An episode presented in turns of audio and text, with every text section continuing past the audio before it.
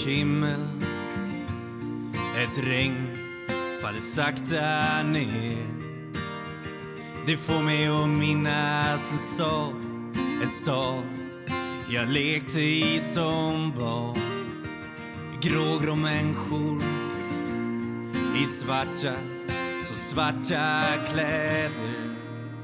Men jag minns sorglösa dagar, ett vackert minne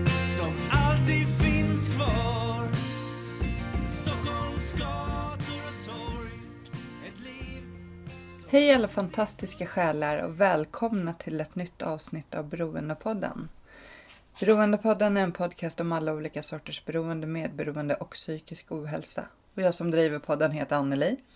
Till dig som lyssnar för första gången, kika in på hemsidan. Där finns det hjälp att få, länkar till olika ställen. Det står även vad projektet gör mer än bara poddar. Eh, eller vad Beroendepodden gör mer än bara poddar. Eh, och min mailadress finns där. Jag svarar som sagt så snabbt jag kan på alla mejl. Och eh, fortsätt sprida podden på sociala medier, Instagram och Facebook. Det betyder jättemycket. Och om du inte följer mig på eh, Instagram så heter jag ju Beroendepodden där. Så det är bara att följa, dela och eh, ja, jag hoppas ni har det bra nu när det börjar komma lite sol, det börjar komma lite värme. Jag är sån som är otroligt eh, väderpåverkad. Alltså det är så här sol, då lever livet. Regn, då, ja, ja, sån är jag i alla fall. Eh, men jag hoppas det är bra med er och eh, som ni vet, podden vore ingenting utan er fantastiska lyssnare och mina underbara gäster. Och dagens avsnitt eh, ska jag intervjua en eh, underbar kvinna och eh, nu ska ni få höra allt om henne. Välkommen till Beroendepodden Hanna Hart- Hartvig. Tack så mycket. Du är 22 år ung. Mm. Mm.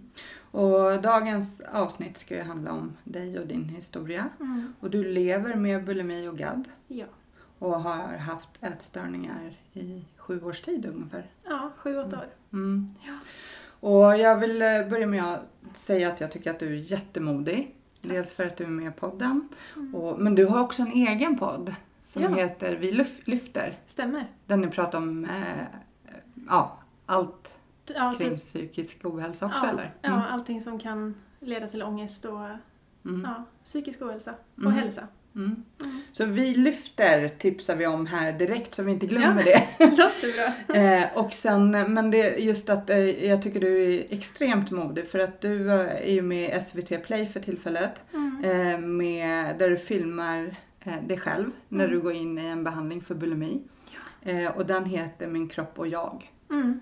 Och jag kollade på den här om dagen. Mm. alla avsnitt på raken. Så. Eh, och väldigt känslosam. Och, Ja. Otroligt modigt. För jag vet ju liksom själv hur det är att leva med ångest och då Mm. också blotta sin Ja. ångest Mm. så i eh, filmformat. Eller vad man säger, i Ja. tv-format. Men det har nästan Ja. varit som eh, terapi för mig. Alltså när jag har mått dåligt så kan jag ta upp kameran och prata lite. Ja. Och sen har det känts lite bättre så det har nästan varit en självterapi liksom. Ja. Mm. Men gud vad härligt. Ja. Kanske jag får börja med det då. Jag gör det. Men hur var det liksom precis innan den skulle släppas då? Eh, Alltså det var inte så nervöst. Eh, det kändes lite overkligt typ. För jag har ju filmat mig själv då under ett halvår. Mm. Eh, och knappt känt som att det här kommer synas. Utan jag, det har ju känts som att det är bara någonting jag gör för mig själv. Mm. Så då när det släpptes så kändes det lite sådär, oj vad händer nu? Mm. Men sen har jag fått så himla fin respons så att det känns bara kul. Mm. Det är jättebra att den har kommit ut och jag är jättenöjd. Mm. Det är ju verkligen jättebra för det, Mm. det är ju så otroligt många som lider av ätstörningar, bulimi och psykisk ohälsa. Ja, fler än man ångest och- tror. Ja. Ja. Och jag tänkte att eh, du gärna får berätta hur det har sett ut för dig. Liksom, dels när det började, men hur såg det ut innan det började? Eh, kan du minnas att du har du mått dåligt som barn eller vad var det liksom? Mm.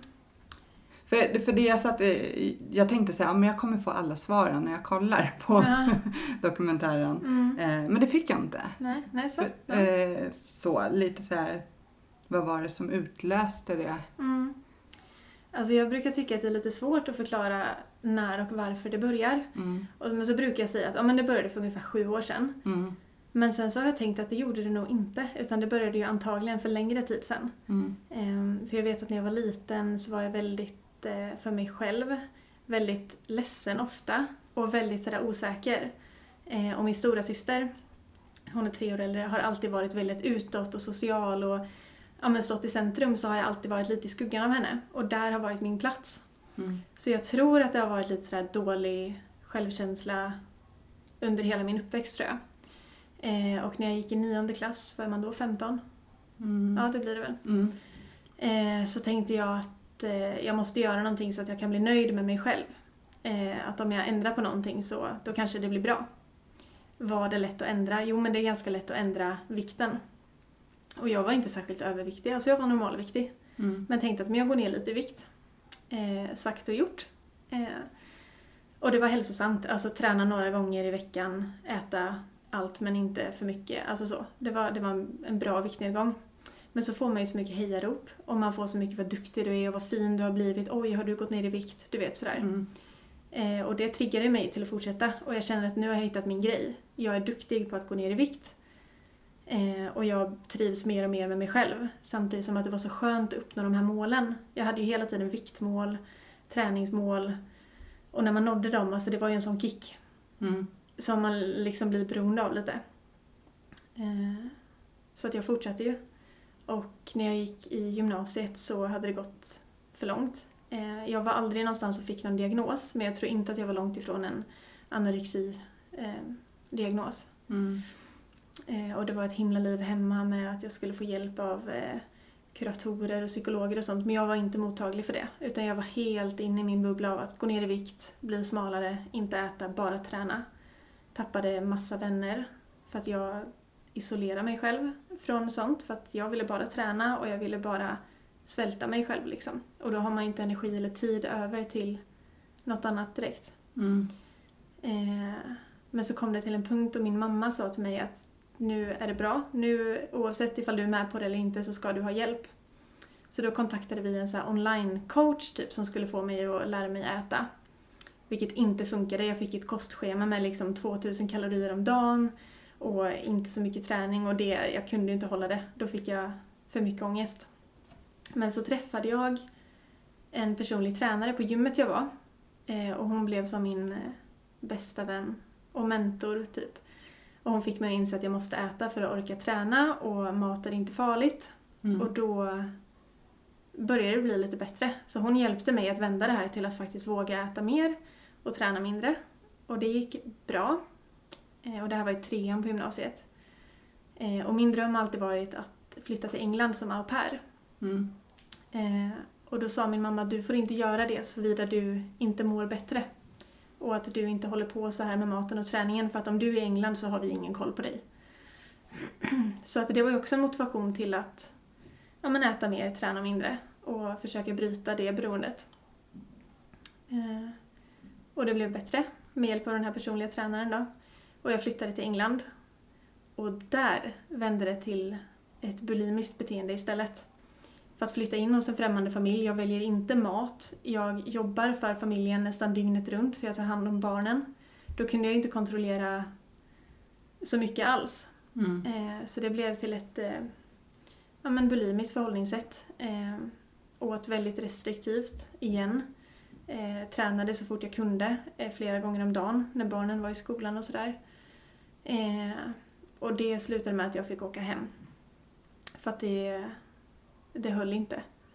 Eh, och sen dess så har det varit lite i samma spår, att jag har kämpat med att Men alltså du var tvungen att åka hem på grund av det? Ja, att du precis. Liksom, mm, ja. jag mådde för dåligt Ja. och jag kunde inte ta hand om barnen längre. Mm. Det var sådär att skjutsa dem till skolan gav mig ångest för då kunde jag inte träna och sådär. Så jag var ju tillbaka i, Mm. i samma spår. Så alla dina tankar kretsade liksom kring mat och Ja, eh, träningen? ja det Mm. var det enda. Nej men så allting slutade med att jag fick åka hem till mamma och pappa. Och då bodde jag hemma hela den sommaren eh, och det blev lite bättre igen. Jag tror att det gjorde mycket för mig att få vara lite hemma i en trygg bubbla eh, och med mina föräldrar och du vet, bara vara hemma och inte Mm. bo i någon annans hus. Och jag kunde sköta mig lite mer som jag ville och sådär. Så att då blev det lite bättre igen och jag flyttade till Göteborg, där jag bor nu, eh, för att plugga. Och då valde jag att plugga till dietist. Mm. Eh, av helt fel anledning, så att jag bytte efter ett tag. Men där under tiden jag pluggade så eh, ja, men då blev det sämre igen. Mycket ångest, eh, började med ett självskadebeteende. Ehm, och mycket liksom ta ut ångest över maten igen. Att ibland kunde jag äta hur mycket som helst på en kvart och sen må så dåligt över det och sen vara ute och springa i tre timmar liksom. Mm. Men när du säger självskadebeteende, var det sj- själva maten då som var självskadebeteendet? Ja, eller hade det- du något annat också? ja, Alltså eh, maten och träningen då? då? maten och träning och sen har jag skurit mig själv Mm. eh, en hel del. Mm. Som utlopp för ångest och mycket känslor. Mm. Eh, och det är ungefär så det har sett ut fram till nu egentligen. Att jag har fortfarande väldigt dålig koll på hur mycket man ska äta, om jag äter tillräckligt, om jag äter för mycket, jag vet inte. Jag har väldigt osunt förhållande till mat. Mm. Jag tycker inte om begreppet mat liksom, för jag har ja, men konstiga tankar kring vad det gör med kroppen. Jag tänker att det lägger sig direkt och sådär. Eh, och träna gör jag fortfarande. Och det är det som är så svårt med träning, för att det är ju hälsosamt Mm. att träna. Men hur mycket ska man träna då? Mm. Jag vet inte. Så det är många sådana tankar. Men sen november så har jag varit inne på en ätstörningsmottagning. Där jag började med en gruppterapi. Mm. Då jag kom två gånger i veckan och träffades tillsammans med några andra tjejer och två psykologer, så vi jobbade lite. Eh, Men det var nog för svårt för mig att klara det på egen hand, för då gjorde man ju arbetet hemma. Man träffades ju tre gånger, nej vad säger jag, tre timmar i veckan. Och ja, pratade lite och hade som föreläsningar och workshops och sådär. Men allt arbete skulle ju ske hemma. Mm. Och det var för svårt för mig att se till att äta alla mål per dag och träna lagom. Så att jag fick börja på en dagvårdsenhet istället, sen tre månader tillbaka. Eh, Så då, i tre månader nu, jag slutade förra veckan faktiskt, Mm. så har jag varit på sjukhuset varje dag mellan åtta och tre ungefär. Och fått jobba med personal där, att ja, men äta tillsammans, att få lära mig laga mat, baka, vara ute och äta på restaurang. Allt sånt som man ska kunna göra när man inte är sjuk i en ätstörning. Mm. Och där är jag nu. Mm. Mm. Men just... Eh, säger man att man kan bli frisk från det här? Ja, Mm. det kan man. Mm. Men eh, som du eh, sa liksom att eh, du började plugga till dietist. Mm. Kanske inte helt ovanligt eh, när man har en ätstörning. Nej, det, och det, jag vet att det var jättemånga i min klass som hade haft ätstörningar tidigare Mm. och som sen ville bli dietist. Jag tror att det är vanligt. Mm. Att man vet hur svårt det kan vara och sen kanske vill lära sig mer och kunna hjälpa andra, Mm. tror jag. Ja, dels det, men också att som, eh, som jag har märkt på folk som jag har träffat som har en ätstörning eller ortorexi eller en Mm, sån bakgrund att man kanske gömmer sig bakom Ja. det. Liksom. För att då kan man ju liksom peka på, alltså jag känner flera som har börjat jobba på gym eller så Ja. liksom. För då kan man säga, men jag är personlig tränare Ja. eller jag är kostrådgivare Mm. och då Ja, gud li, lite så här gömmer sig bakom den hälsofasaden. Alltså, alla vill vi ju vara hälsosamma men Mm. Ja. det är ju inte hälsosamt när det slår över Nej. som det har gjort för dig och Ja, visst. många. Och det är som du säger, jag jobbade på gym Mm, eh, i receptionen ett tag. Och sen så tog jag en utbildning till att bli tränare. mm, Och sen så gjorde jag en distansutbildning till kostrådgivare. mm, Och så pluggade jag dietist. Mm. Så det var ju verkligen det där att man skulle kunna gömma sig bakom att säga att nej men det här är hälsosamt, jag vet vad det här går ut på, jag är utbildad. mm, Bara för att kunna fortsätta med sitt destruktiva beteende. mm. Mm. Men när förstod du själv att du var sjuk?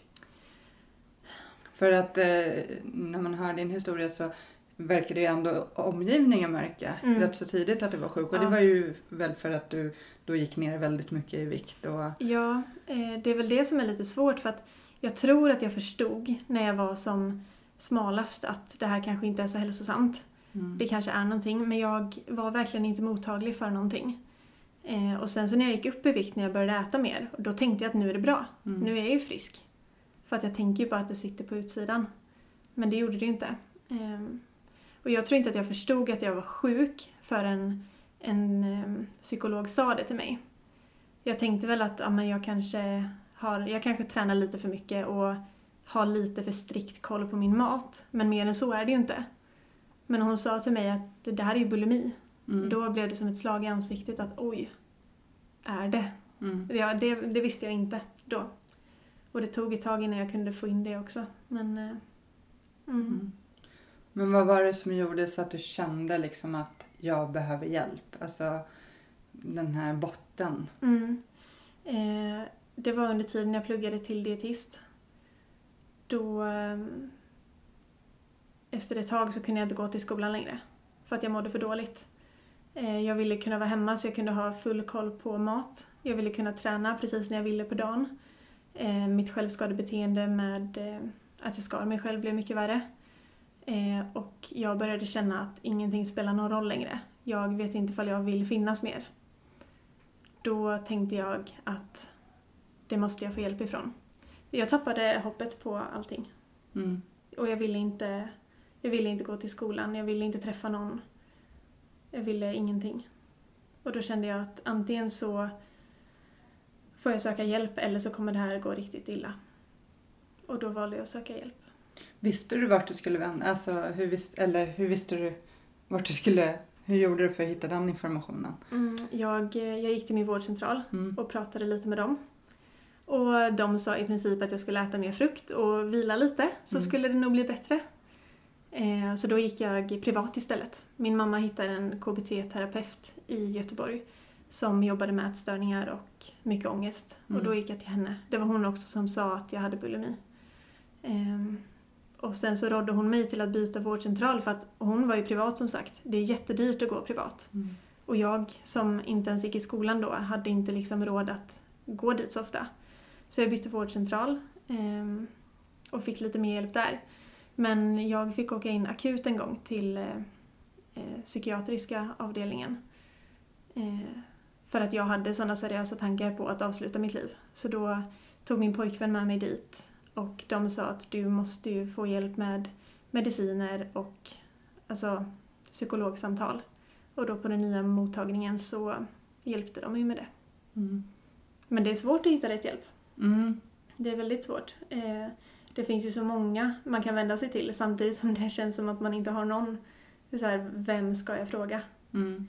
Men min mamma har hjälpt mig mycket. Mm. Eh, Du har kunnat våga vara öppen och ärlig från början där. Och Alltså ja, när med jag, din in, omgivning och mamma. Och, ja eh, jag bestämde mig för att det är det jag måste. Eh, och i och med att jag själv inte riktigt orkade leta eh, efter hjälp mm. eh, så kände jag att då måste jag ju prata med mamma. Och hon fick hjälpa mig. Eh, och sen dess så har jag blivit mer och mer öppen för jag insåg ju att det blir bättre ju mer jag pratar om det. Mm. Och ja, sen dess har jag vågat prata mer och mer. Hur var liksom när du skulle gå ut och äta med vänner eller familj och så? Mm. Hur har, har det varit då liksom? Har du... Det har varit jättesvårt. Mm. Eh, Jag undviker det ju till, och det gör jag fortfarande. Mm. Eh, Men mer för att jag undviker det så, så mycket det går. Sen om jag vet att jag ska ut och äta med familjen så då är det ju ett himla jobb med att leta upp en restaurang som jag känner att jag kan gå till. Eh, ifall de har någonting som jag känner mig okej med att äta. Eh, och sen så fick vi gå dit. Vi sa att det finns Hanna-vänliga restauranger. Dit Mm. kan man gå med mig. Mm. Men det är jättejobbigt att sitta och äta med andra och få mat serverad som man inte vet hur de har tillagat. Jag har ju ingen koll. Mm. Så det är kämpigt. Mm. Hur har omgivningen varit? Alltså mm, kommentarer eller liksom har du fått den stöttningen? Jag har alltid fått mycket stöd. Mm. Ehm, Jag tyckte ju till en början att min mamma då till exempel var väldigt för på. Att jag måste få hjälp och att, att jag inte klarade mig själv och sådär. Det blev jag ju mest arg på. Men det har ju bara varit av omtanke. Mm. Men sen så sen jag började prata så har jag fått väldigt mycket kärlek. Alltså, jag har knappt fått något dumt alls. Sen är det mycket oförståelse. Att sådär, det är väl bara att äta. Det är väl Mm. inte så svårt. Eller att, men är du sjuk? Det syns ju inte. Men det tror jag kommer mer från att man inte förstår än att man inte accepterar det liksom. Och när man får höra så här, är du, är du sjuk? Det syns inte. Att, Mm. Vad tänker man då? Att man behöver liksom kanske snara till maten ännu mer Mm. eller blir sådana. För, för jag har ju själv inte haft den här problematiken så eh, men däremot så känner jag ju många Mm. och jag förstår ju att det, det är så hårfint Mm. att, att jag som anhörig eller som vän, vad man säger, att det kan trigga igång åt fel håll eller liksom Mm. vad fint du har gått upp lite vikt och, Mm. eller något så här att det kan liksom bli en trigger att man Mm. börjar svälta sig eller börja Gud ja. Det är jätteofta det har blivit så att när någon har sagt så, mm, så tänker jag att nej, okej, men då måste jag bevisa att jag är det. Jag går Mm. ner lite i vikt. mm, Så det har man ju absolut trillat tillbaka på. Och även som sådana grejer, jag vet att jag har fått att någon har sagt att du ser mycket piggare ut. Eller du har mer färg i ansiktet. Du, du har mer utstrålning. Mm. Alltså sådana snälla saker egentligen. mm, Har man ju tänkt som att nej, men det är ju bevis på att, på att jag blir mindre sjuk. Det får inte hända. mm, Det är ju saker som hotar ätstörningen liksom. mm, Och då har det ofta blivit så att jag har dragit mig tillbaka och tänkt att då ska jag allt bevisa för dig att jag är visst sjuk. mm. Mm. Mm, Och hur, vad tycker du att en anhörig bör vara? Eller liksom, har du tänkt på det? Så här? Som Ja. anhörig, vad behöver du för stöd? Mm. För Alltså, det är många anhöriga som lyssnar. ja, det jag är tänker det. liksom. Jag har Sen är varit... det individuellt självklart. Ja, såklart. Så. såklart.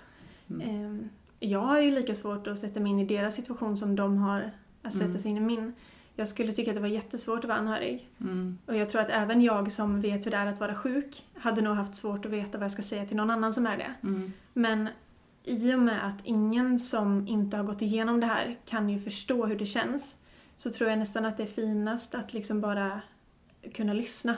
För oftast när jag vill prata med någon så förväntar inte jag mig att personen jag pratar med ska kunna lösa mina problem. Utan jag vill ju bara ha någon som lyssnar på mig. Så att jag tror att man ska vara ganska försiktig att tipsa om saker. Att man kan du inte göra så här eller gör så där. För att då är det så här, jag har ju tänkt på det också att jag skulle bara behöva göra på det sättet istället. Jag vet ju om det. Men jag kan ju inte. För mina känslor säger ju en helt annan sak. Och samma sak med typ logik. Att om någon säger till mig att du blir inte, du går inte upp fem kilo av en spaghetti. Du säger jag vet det. Men för mig känns det så och då blir man bara också stressad. Så jag tror att man ska vara ganska försiktig med att eh, ja, men tipsa Mm. om saker som är ganska logiska. Så egentligen att säga det att jag finns här och Ja. vill du ha, eh, liksom, kan jag Mm. göra något för dig så säg till. Ja, det Så, är en bra liksom. grej. Att kan jag göra någonting så säg till Mm. istället. Det, det är bra. Mm. När du, eh, jag tänker att för ofta ätstörningen börjar ju väldigt tidigt. Jag har ju träffat Mm. dem som det börjar i åttaårsåldern. Alltså det är Ja. så här galet. Och att man ens är liksom medveten av sin Ja. kropp vid den åldern. Men det är man ju. Ja. Eh, och sen är det ju... Alltså du, du är ju mycket yngre än mig så jag vet ju inte hur det är i skolan nu och så. Men är det mycket kroppshets och sånt? Jag tänker sociala medier och sånt. Det fanns Mm. ju inte när jag var 15 till Nej. exempel. Och att man blir otroligt mycket påverkad av det. Mm, alltså, jag tycker inte... Alltså att bara vara i skolan, alltså det är ju inte så mycket kroppshets där. Nej. Men det är som du säger, sociala medier. Och jag tänker ideal i typ tidningar och reklam. Det är ju alltid sådär, alltså du kan ju inte kolla på ett tidningsställ utan att det finns minst två tidningar som är så här går du ner fem kilo på fyra veckor eller så här tajtar du till midjan. Det är mycket sånt som jag tror spelar in. Och det är som du säger med så låg ålder, jag menar alla typ Disneyprinsessor är ju pinsmala. Mm.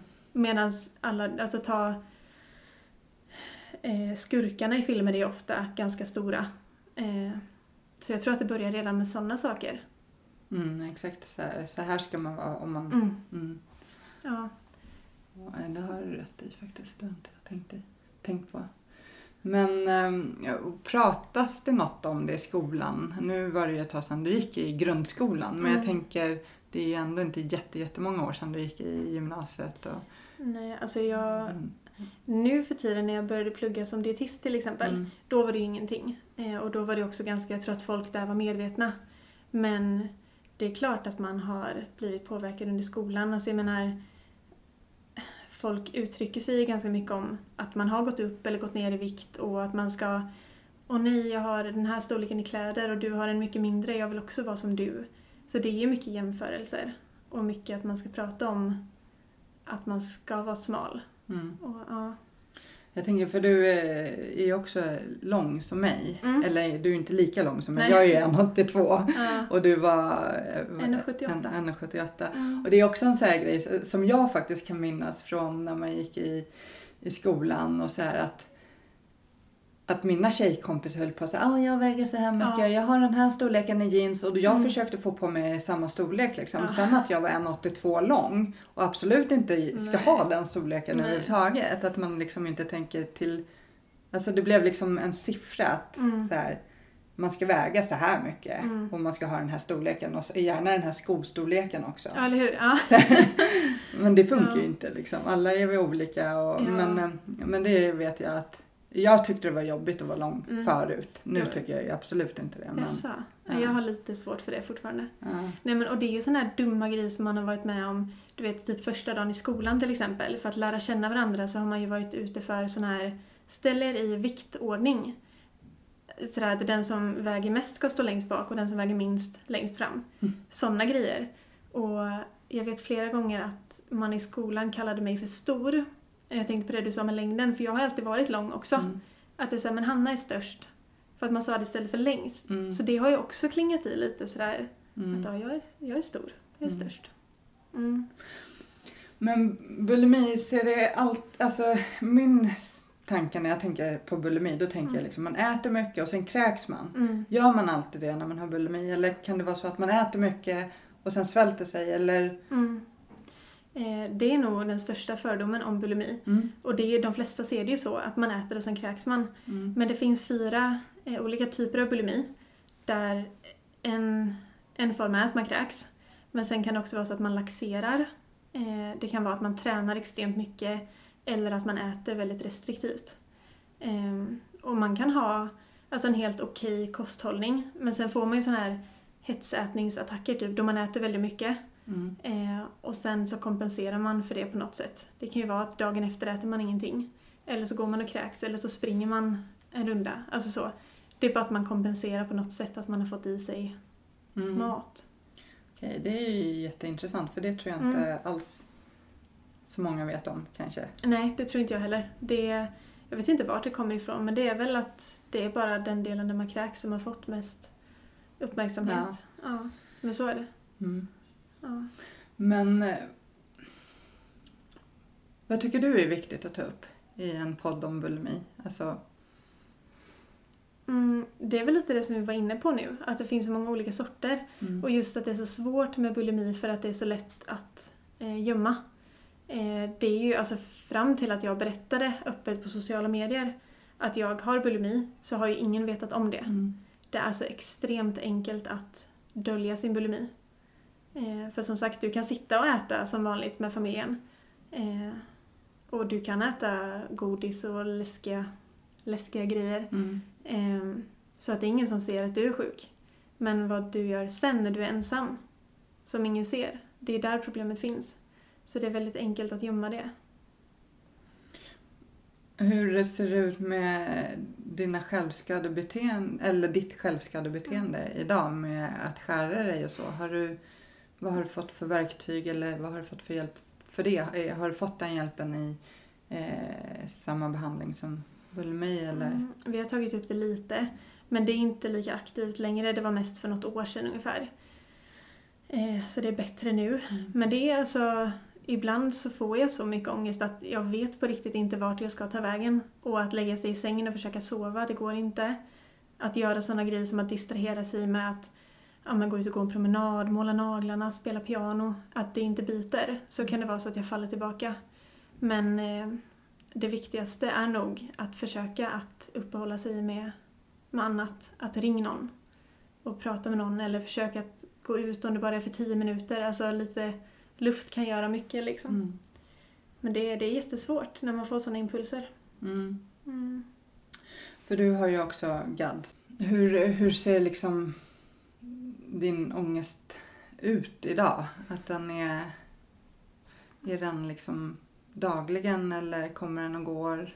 Alltså jag har ju dagligen ångest. Eh, men det är som en sån här kompisångest brukar jag säga. Att det är så här, den känner jag. den är där, den stör mig inte så mycket längre för att jag har blivit kompis med den. Mm.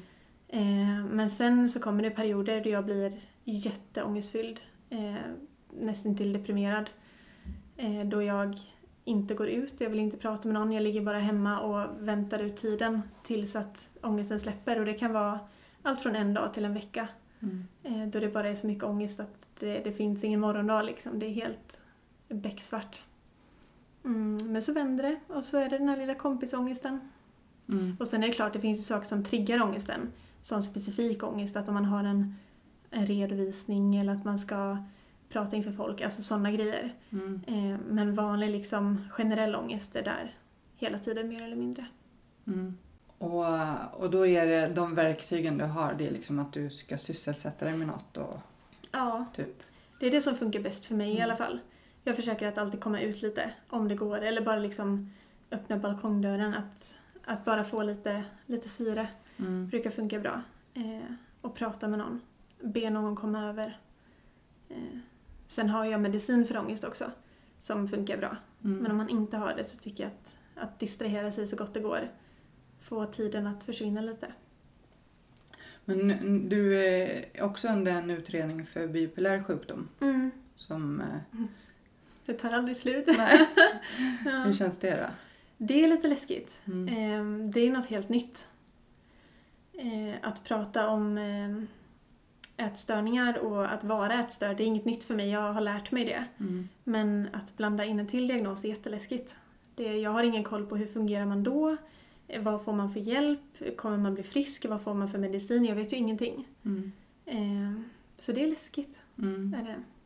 Mm. Nu har du ju inte fått den diagnosen än men du, ni, det är lite på Mm. tal om att det kanske kan vara så Ja, också. det är ju det är- en misstanke och jag ska väl snart på någon utredning för det. Jag Mm. väntar på remiss nu.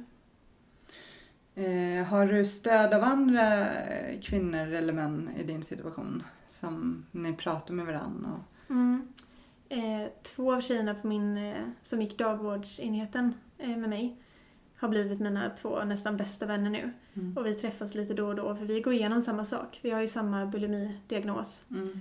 Eh, och har ju gått på dagvården då tre månader tillsammans. Så de har jag jättestor hjälp av. Och det är så, så skönt att ha någon som man kan prata med som kommer förstå vad man menar. Jag behöver inte förklara mig utan jag kan bara säga så här är det. Och då vet jag att de vet hur det känns. Mm. Hur ser du på framtiden?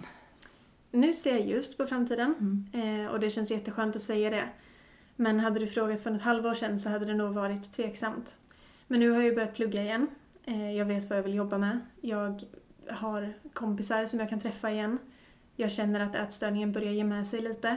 Jag kanske snart får hjälp, om jag nu är bipolär, så får jag snart hjälp med det. Och det, ja, men det, känns, det känns ändå bra att framtiden är för mig också. Mm. Ja. Vad skulle du vilja säga till den som eh, är i en ätstörning nu och behöver stöd och hjälp? Har du några så här tips du vill ge till den? Nej men alltså håll ut, för det första. Eh, hur mörkt den känns så, så finns det ju hjälp att få och man kan bli bättre. Mm. Det, jag hade blivit irriterad och jag blev det när folk sa det till mig. Att så här, det, det kommer bli bättre. Men det kommer verkligen bli bättre om man får rätt hjälp. Och det finns ju rätt hjälp att få. Det finns ju massa forum. Jag tycker att det är jättebra att man kan kontakta psykolog och läkare via telefonen. Mm. Det finns ju stödlinjer och stödchatter. Typ Frisk och Fri är ju en förening som Mm. man kan chatta med eller ringa till. Eh, och verkligen börja där kanske. Så kanske de kan slussa dig till rätt hjälp för att det finns hjälp för alla. Mm. Det gör det. Och man får inte ge upp. Mm. Mm. Nej, verkligen inte. Och det är väl som jag förstår som lite som Alltså att sjukdomen vill ju att man ska vara sjuk så att det Mm. blir ett så här Mm. kämpande mot de tankarna Ja, eh, också. gud ja. Alltså det är som att man har en ängel och en djävul på axlarna. Där det är en konstant dragkamp. Att ätstörningen säger gör det här. Och den lilla friska sidan som ändå finns där någonstans säger att gör inte det. Och så är det en dragkamp. Och beroende på hur stark man är den dagen så får man ju se vilken sida som vinner. Men Mm. det, är, det är konstant. Mm. Ja. Hur, men jag tänker så här framåt. Eh, för att det går Du lever ju fortfarande i det men är i ett tillfrisknande. Mm. Eh, vad har du liksom för verktyg för att inte falla tillbaka? Mm. Har du några sådana? För att träna behöver vi ju alla göra för att Mm. stärka vår kropp och må bra och så här. Men att inte träna för mycket. Eller, Jag har ju ett eh, litet schema som jag har fått från sjukhuset med hur många gånger jag kan träna per vecka. mm, Så har jag det uppskrivet. Och sen så har jag också em, mattabeller typ, där det står hur mycket jag ska äta av olika livsmedel. Så jag har ju dem att luta mig på. mm, Eh, men annars så tänker jag bara att känner man att man är på väg att falla tillbaka eller ta till något sjukt beteende så är det bara att tänka på varför jag började att försöka bli frisk. Om jag tänker framåt två, fem, tio år, vart vill jag vara då? Jag vill ju vara frisk, jag vill må bra, jag vill kunna jobba, bilda familj. Kommer jag kunna göra det om jag fortsätter med ett sjukt beteende? Svaret är ju antagligen nej. Så verkligen försöka motivera sig själv med framtiden. Att tänka på ens mål för framtiden och tänka på vilken väg kommer ta mig dit. mm, Det, det brukar funka för mig. mm. Mm. Tack så jättemycket eh, för att du vill dela med dig av din historia och verkligen all lycka till i framtiden. Men det är ju jag som ska tacka att jag fick vara med och hoppas att någon kan få hjälp av, av det här. Mm, det kommer de få. Eh, men som sagt, du finns ju på SVT Play, Mm. Min kropp och jag, och den rekommenderar jag alla att se. Ehm, den är känslosam, Mm. så det får man vara beredd på Ja. när man kollar. Ja. Eh, och sen eran podd, eh, Vi lyfter. Mm. Ja, är det, har du någon hemsida eller något som du vill att, att vi tipsar om när vi ändå håller på? Jag skriver väldigt mycket om min ätstörning och eh, min ångest på min Instagram som heter Hanna Hartvig. Så Mm. där kan man kika. Mm. Så kika in där. Och eh, tack igen, verkligen. Tack snälla själv.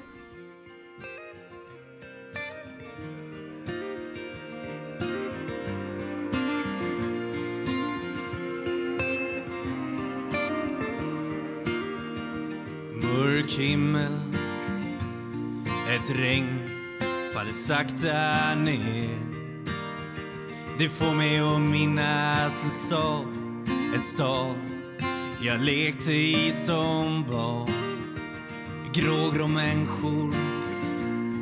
I svarta, så svarta kläder. Men jag min sorglösa dag. Ett vackert minne som alltid finns kvar. Stockholms gator och torg. Ett liv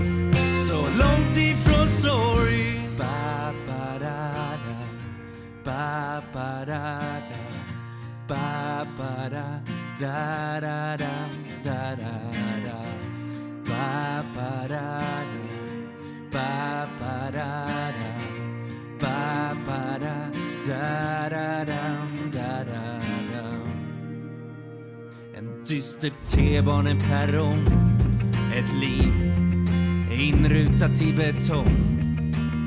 Stäng ut det andra med musik. Fokusera. Allt på att bli rik. Här finns en dyster atmosfär. Ett liv kretsat kring karriär.